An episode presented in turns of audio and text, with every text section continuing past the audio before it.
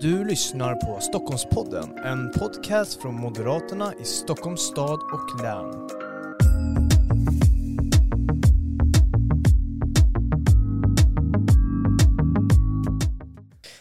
Varmt välkommen till en av Stockholmspodden. Det här är ju specialavsnitten som vi gör med alla våra listettor här i Stockholmsregionen. Och idag ska vi resa till Haninge där listettan och nuvarande oppositionsråd är Sven Gustafsson. Varmt välkommen hit. Tusen tack. Och eh, vi ska prata en hel del idag om valet. Vi ska prata om mandatperioden som har varit. Vi ska också prata om visionen, din vision om Haninge. Eh, men innan vi gör det så ska du ju här i, i valrörelsen förklara också för väljarna vem du är. Så jag tänkte ställa en enkla fråga nu till dig. Vem är Sven? Ja, tack. Kortfattat så är jag en 56-årig man som kommer från Blekinge. Eh, väldigt många andra har liksom jag flyttat uppåt till Stockholm. Eh, och jag har bott här sedan 1989. Eh, jag är utbildad jurist eh, men aldrig praktiserat det utan har haft väldigt många olika jobb. Allt från städare till arbetsledare i reception och växel och även drivit ett eget företag som arborist, Stockholms träfällning under tio år. Så jag har varit en mångsysslare. Jag bor i Haninge naturligtvis eftersom jag är eh, oppositionsråd. Och eh, jag är intresserad av familjen, eh, svampplockning, eh, segling, eh, ja, ganska vanliga intressen. Mm. Eh, och jag älskar att bo i min kommun eh, därför att den har så mycket skärgård eh, och så mycket natur och bra platser att besöka. Fina badsjöar. Vi fastnade faktiskt direkt när vi flyttade in i Haninge 1990. Mm, mm.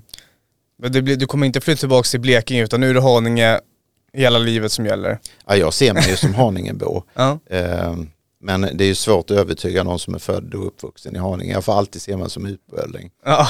eh, men jag älskar verkligen Haninge och eh, jag har inga planer på att flytta ner till Blekinge igen. Det är mm. ju, eh, jag har haft lite samtal med, med Roger där nere i Ronneby där jag kommer ifrån. Mm. och det Utvecklingen där har ju varit väldigt, väldigt eh, eh, orolig och negativ. Mm, mm, så. Mm, precis så.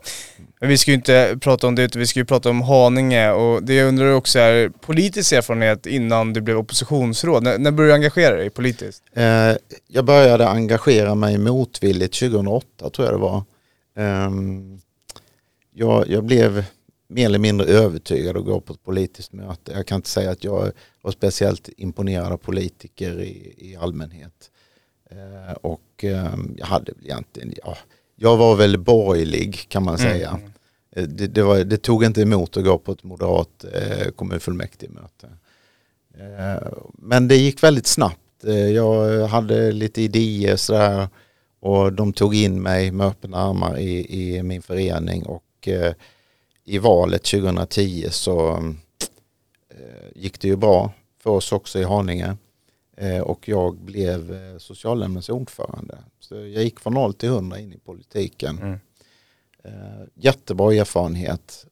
Jag respekterar verkligen unga politiker som muffare och ja, för den delen SSU som är skolade i politik. Någon måste bära traditionerna och, och idéerna. Eh, men vi som kommer utifrån, vanligt folk som jobbar och sliter, eh, vi är också väldigt bra komplement mm. till det här så att man får en, en reality check. Mm. Mm. Eh, och jag vill nog påstå att vi, vi är ganska duktiga på det i Haninge. Vi är många i toppskiktet som, som inte är skolade i muff. Nej. Men jag älskar ju muffarna naturligtvis.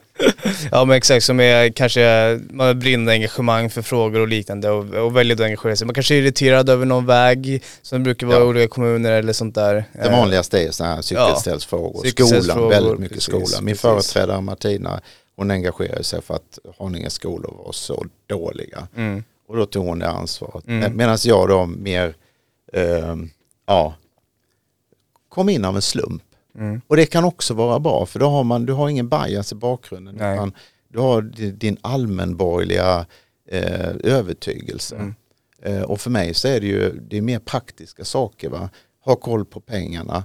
Eh, förstå vem det är som, som betalar de pengarna. De sex miljarder som vi leker med varje år. Mm. Eh, det är väldigt viktigt att ha den kollen. Mm. Så du tror inte att du skulle bli oppositionsråd utan det gick från 0 till 100 och sen från 100 till 200 då?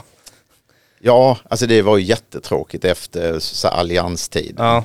Ehm, men det tycker nog alla. Mm. Men, men att komma in direkt i hetluften eh, och det var ju en verksamhet som jag, jag var inte ens intresserad av den, alltså socialtjänsten. Också en jättestor fördel, för jag såg ju saker som de som var väldigt intresserade av socialtjänst inte såg, nämligen effektivitet, ekonomi, får vi pang för pengarna. Det fanns ingen uppföljning i någon verksamhet. Och jag började ju ja, egentligen beordra att vi måste följa upp verksamheten och se om de här satt 1500 spänn om dagen för en unge, om, om man får någonting i slutändan, annars kanske man ska investera det på annat sätt. Mm. Eh, och, eh, det, blev, eh, det var inte jättepopulärt kan jag säga i förvaltningen och framförallt inte hos våra politiska motståndare. Mm. Det var så här jättefrågor. Eh, Men jag kan säga att jag sparade nog in en så här 30-40 miljoner om året Mm. eh, utan att det faktiskt märktes. Mm. Ja, det är, helt så lätt. Det, det är så lätt i kommunal, Ja. framförallt kommunal verksamhet.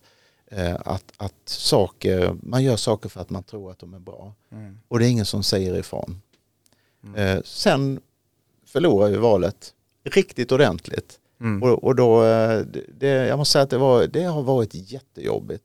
Inte bara en gång utan två gånger. Mm. Eh, Men jag, har ju, jag är jäkligt taggad för att eh, Vinner den 11 september. ja, och, och, och ta över kommunen. Ja precis så. Jag tänker bara, den här, vi ska snart prata om valet här den 11 september men, men innan det bara beröra kort mandatperioden som har varit. Ja. Eh, för Socialdemokraterna har ju nu lett Haninge och du kommer säkert nämna det men det ser ju inte direkt bra ut i olika mätningar och så vidare utan det, det ser ju faktiskt rätt kast ut. Eh, och ett maktskifte behövs ju verkligen i Haninge för att få, få ordning på skutan sådär. Ja. Eh, jag tänker på den här mandatperioden, hur har den utvecklats 2018 till 2022 med, med socialdemokratiskt styre?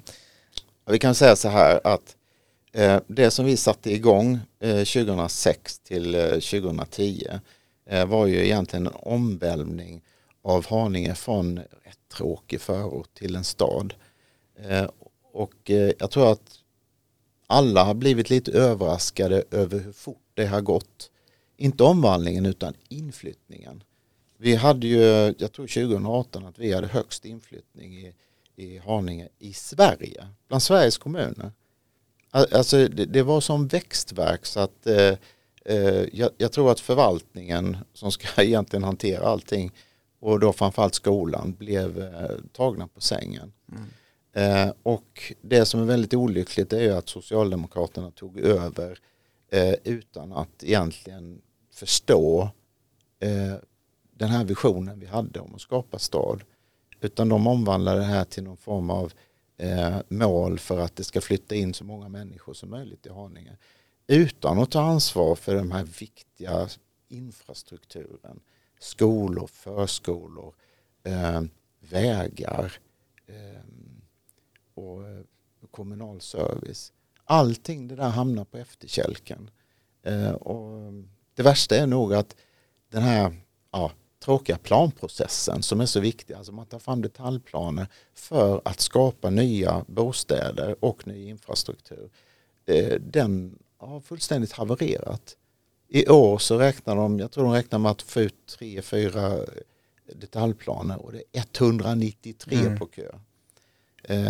Så det är stopp i maskineriet. Eh, Och jag hävdar alltid att det här är egentligen grunden i politisk styrning. Det är här politikerna måste ta sitt ansvar när det kärvar ihop sig. Och det har inte Socialdemokraterna gjort. Mm. De, de, har, haft, eh, de har gjort en sån här visionslös eh, koalition med i princip alla partier utom vi moderater och Sverigedemokraterna. Eh, Och då förstår ju vem som helst att det, det blir svårt att få någonting gjort. Mm. Den här Kristdemokraterna har ju ingenting med Socialdemokraterna, ingenting gemensamt i princip. Eh, ideologiskt i alla fall. Eh, så det har gått i stå och man pratar hellre om billiga hyresrätter som man har gjort i 20-30 år. Mm. Finns inga billiga hyresrätter. Eh, än att ta ansvar för alla nya människor som föds och flyttar in i kommunen. Och jag tycker att det är jättetråkigt. Mm, mm. Nej men exakt så. Och eh, under den här mandatperioden skulle jag vilja lyfta fram kanske någonting som Haningeborna måste veta om när man går till vallokalerna från den här mandatperioden som nu har styrts av Socialdemokraterna. Om det är någonting du känner, det här måste man veta om när man går till vallokalerna, vad skulle det vara? Ja, det, det, är, det är ganska enkelt. Tre viktiga saker. Dels tryggheten i Haninge. Oavsett vad man säger och att man har gjort och sådär så, så, så, så finns det totala fakta, alltså statistik från Brottsförebyggande rådet. Haninge har tre år i rad nu, säkert tidigare också, eh, för sossarna har ju styrt i två mandatperioder, haft flest anmälda rån, flest anmälda skadegörelsebrott i länet, utöver staden då mm. naturligtvis. Mm. Eh, och vi blev ju förra året utnämnda till Sveriges sämsta skolkommun. Jag vet att det är Lärarförbundet och vissa parametrar är vinklade där. Men det är ovedersägligt att vi ger näst sämst resurser till skolan i Sverige. Och vi har lägst lärartäthet i Sverige. Och vi har näst lägst andel utbildade lärare. Mm. Eh, det går liksom inte att bortse ifrån. Man vill inte flytta in till en kommun som har ett sånt track record. Sen kan man säga att ja, det har stigit någon procent på resultat och meritvärde och så. Va? Men föräldrar, de vill ha bra skolor med tillräckligt med lärare. Mm. Och de vill inte att, ha en kommun som ger mindre resurser än andra kommuner till skolan. Det är ganska enkelt. Jag är ingen som vill kasta ut pengar men det är i storleksordningen 100-150 miljoner om året. Ehm, jag tror att om man ska höja lärartätheten med 1% så är det 40 miljoner. Det är inga jättestora pengar men de kan göra jättestor skillnad. Mm. Eh, och den andra det är, det, är, det är jobben. Stora företag, och det har stått i tidningen, eh, väljer bort Haninge eh, och ännu större företag väljer att lämna Haninge. vi har också störtdykt i Svenskt Näringslivs företagsranking. Ehm, och det finns en anledning till det. Det finns ett ointresse, ett genuint ointresse hos den här socialdemokratiska ledningen. Ehm, jag kan bara gissa, jag tror inte att det är lathet utan det är den här ehm, oginheten mot företagare i, allmän, i allmänhet och stora företag i synnerhet. Mm. Eh, att man tycker att det är någonting dåligt. Det ligger ju liksom i Socialdemokraterna och Vänsterpartiets eh, DNA. Ehm, eh, och, och där finns det, det finns liksom ingen bra strategi för att ta hand om företag som vill etablera sig. Eh, jag vet företag som har väntat i fem sex år och de, bara, de tröttnar till slut. Mm. När, när, när, vi har en, en eh, kommunledning som hänvisar till förvaltningen och där kanske sitter några planhandläggare som, som, som är lite, lite överdrivet aktivistiska och vill begränsa planområdet för att det finns eh, ja, sällsynta växter och, och sådär. Här gäller det att styra det finns olika intressen som måste prioriteras och det är politikernas uppgift att göra det. Mm, mm. Ja precis så och den här mandatperioden, du har varit oppositionsråd, mm. eh, det är mycket lärdomar och erfarenheter, det är tufft jobb. Eh, jag tänker bara lärdomar och erfarenheter som du tar med dig från den här mandatperioden in i valrörelsen då, då som kan leverera en valvinst här den 11 september. V vad skulle det vara? Ja, eh, några väldigt goda erfarenheter när man sitter i opposition det är ju att man ibland får samarbeta med eh, partner partners som man naturligt, naturligt inte samarbetar med. Det har ju Moderaterna gjort på Riks va? med Vänsterpartiet och Sverigedemokraterna. Eh, som jag tycker det, det är bra att man, man, man jobbar med realpolitiska frågor och ser, bortser från det här ja, som Centerpartiet egentligen bygger hela sin politik på. Eh, vi har jobbat mycket nära tillsammans i realpolitiska frågor med både vänstern och Sverigedemokraterna eh, och tyvärr en del politiska vildar. Det finns vissa partier som mm. spottar ut sig rätt så många politiska vildar. Eh, och fått ihop väldigt många eh, olika frågor där vi fått majoritet i fullmäktige. Eh, mest är det ju att vi stoppar galna förslag av Socialdemokraterna som eh, skulle bidra till väldigt hög kostnadsökning. Eh, och eh, jag får nog säga att det är framförallt erfarenheten och, och samtala och komma överens med Vänsterpartiet har varit nyttiga för mig. För vi står ju så långt ifrån varandra som vi i princip kan göra ideologiskt. Men bakom den här, de här partiknapparna så är det ofta vanligt hyggligt folk. Så, så det jag lärt mig och jag tror vi moderater har lärt oss det är att eh, man, måste, man måste bli ödmjuk. Man måste vara ödmjuk i politiken. Eh, det går liksom inte att buffla på. Vi hade lite storhetsvansinne kan jag säga 2010. Så här 33 procent av rösterna mm. Eh, i landet och i Stockholmsregionen så var det ju, jag menar det var ju det är många kommuner som har haft över 50 procent. Eh, och det kan slå tillbaka på en om man tappar ödmjukheten. Mm. Mm, precis så, så var ödmjuk hela vägen. Ja, men ändå väldigt tydlig. Ja, jag är extremt tydlig ja. mot mina politiska motståndare. Men de som inte är mina naturliga politiska motståndare, eh, de har jag faktiskt lärt mig att samarbeta och prata med på ett bättre sätt. Mm, mm. Tänker att den 11 september är det ju val, tror det eller ej, det går ju väldigt snabbt och eh, du kommer få en hel del frågor när du träffar nu Haningeborna varför är Moderaterna det självklara valet för mig som Haningebo? Mm. Den frågan får du ju hela tiden och kommer få hela tiden under valrörelsen. Eh, och tycker att du ska få besvara den frågan här och nu. Ja. Eh, så kan du alltid hänvisa till det här avsnittet. Ja, vad, vad roligt att du frågar. jo, eh, jag ska säga att det absolut viktigaste i Haninge kommun som är en av Sveriges snabbast växande kommuner. Jag vet att många kommuner i Stockholm växer. Men Haninge växer extremt snabbt i antal invånare. Så behövs det en kommunledning som tar ett helhetsansvar. Eh, idag så har vi en kommunledning som egentligen bara pratar om billiga hyresrätter och, och ska säga, vänsterideologiska eh, retoriska former. Eh, det finns liksom inget, inget övergripande ansvar för att eh, kunna få ihop den här enorma inflyttningen och för den delen ökade födslarna med ett, ett samhälle som alla kan acceptera. Eh, om man ska skapa stad som vi brukar säga eh, så måste man skapa förutsättningar för att en stad ska bli attraktiv. Det går inte bara att bygga alltså, bostäder. Mm. Jag har så här skräckexempel där man har omvandlat ett projekt eh, som där det ska finnas allt från eh, flerfamiljs, eh, alltså bostäder för flera familjer, kanske fyra och fem år, till eh, för ensamstående. Och det slutar med att det bara blir ett år. Därför exploatören tjänar ju mest på det och Socialdemokraterna tycker att ja, det kan ju bli, bli en billig hyresrätt. Eh, och det blir, det blir en förfärlig utveckling. Eh, vi, vi, måste ha ett samhälle för alla. Eh, det är den viktigaste frågan. Eh, och, men i övrigt så är det så här, Eh, vi är Sveriges sämsta skolkommun. Vi står fortfarande och tuggar när det gäller resultaten och sådär. Och, och, ibland går det upp och ibland går det ner. Vi måste reformera skolan i Haninge.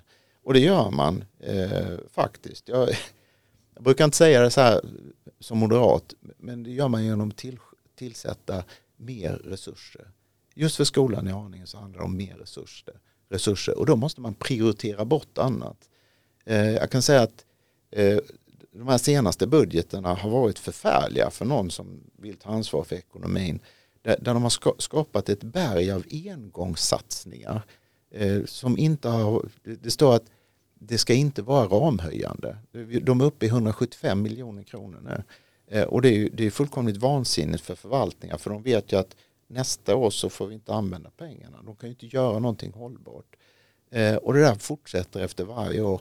Det går inte att fortsätta så. Du måste ha en långsiktig politik med mål och visioner. Och jag skulle ödmjukt vilja påstå att vi har det, vi har byggt upp det under åtta års tid nu. Mm. Så att vi har idéerna och vi har kraften att genomföra idéerna. Mm. Ja men precis så. Och ni kan ju genomföra idéerna efter valvinst här den 11 september. Men för att vinna val så måste man ju vinna förtroende. Ja. Eh, och det här med att vinna förtroende och tillit från, från väljare kan vara svårt. Mm. Eh, jag tänker bara fråga hur du tänker kring det där. Hur, hur ska du vinna förtroendet eh, av Haningeborna att leda kommunen då efter den 11 september? Och du behöver inte bli så filosofisk och börja definiera nej, vad nej, förtroende är och så utan... jag, jag blir sällan filosofisk, ja, jag är pragmatisk. Mycket bra.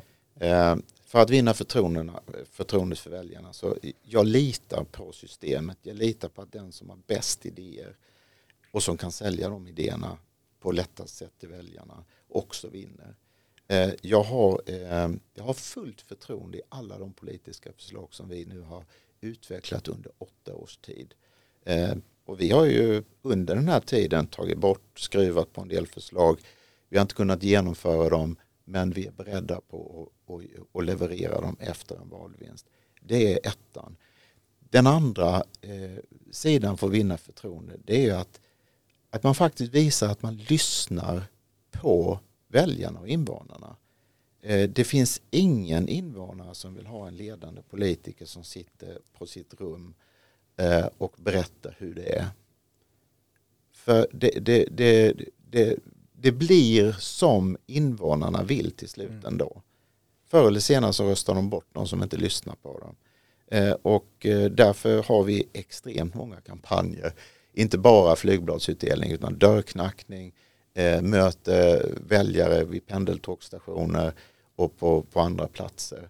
För att om en av tio ställer en fråga så, så måste det finnas någon där som tar emot frågan. De känner sig lyssnade på. Mm. Och eh, vi måste också kunna ta emot kritik mot våra egna förslag. Alla förslag är inte omtyckta av Haningeborna. Det är så. Eh, och då måste jag kunna möta dem och förklara varför jag tycker så här och kanske också hitta någon, någon kompromiss mellan väljarna mm. och våra egna förslag som vi ändå måste göra med de koalitionspartner som vi måste jobba med efter mm. valet. Mm. Så det, det, det är ödmjukheten och lyssnandet som är det, det näst viktigaste. Mm. Men det viktigaste är att du har idéerna. Annars, annars gör du ingen nytta i politiken.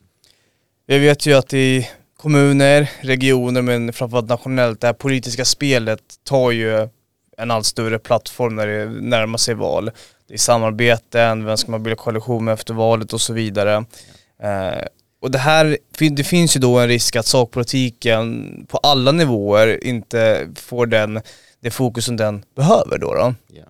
Och jag tänker just i Haninges fall här, hur, hur, kan du se till att det, det är sakfrågorna som, som ska, det ska pratas om under valet och inte vem ni ska bilda koalition med efter valet? För jag tänker att många väljare har ju också de frågorna. Vad är alternativet efter valet också? Yeah. Hur tänker du kring det där? Det är också en väldigt bra fråga.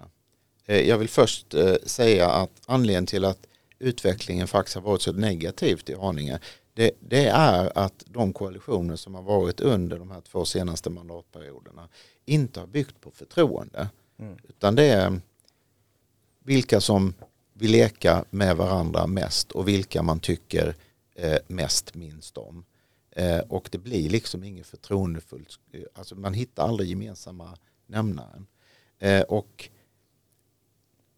det jag jobbar med det är förtroende.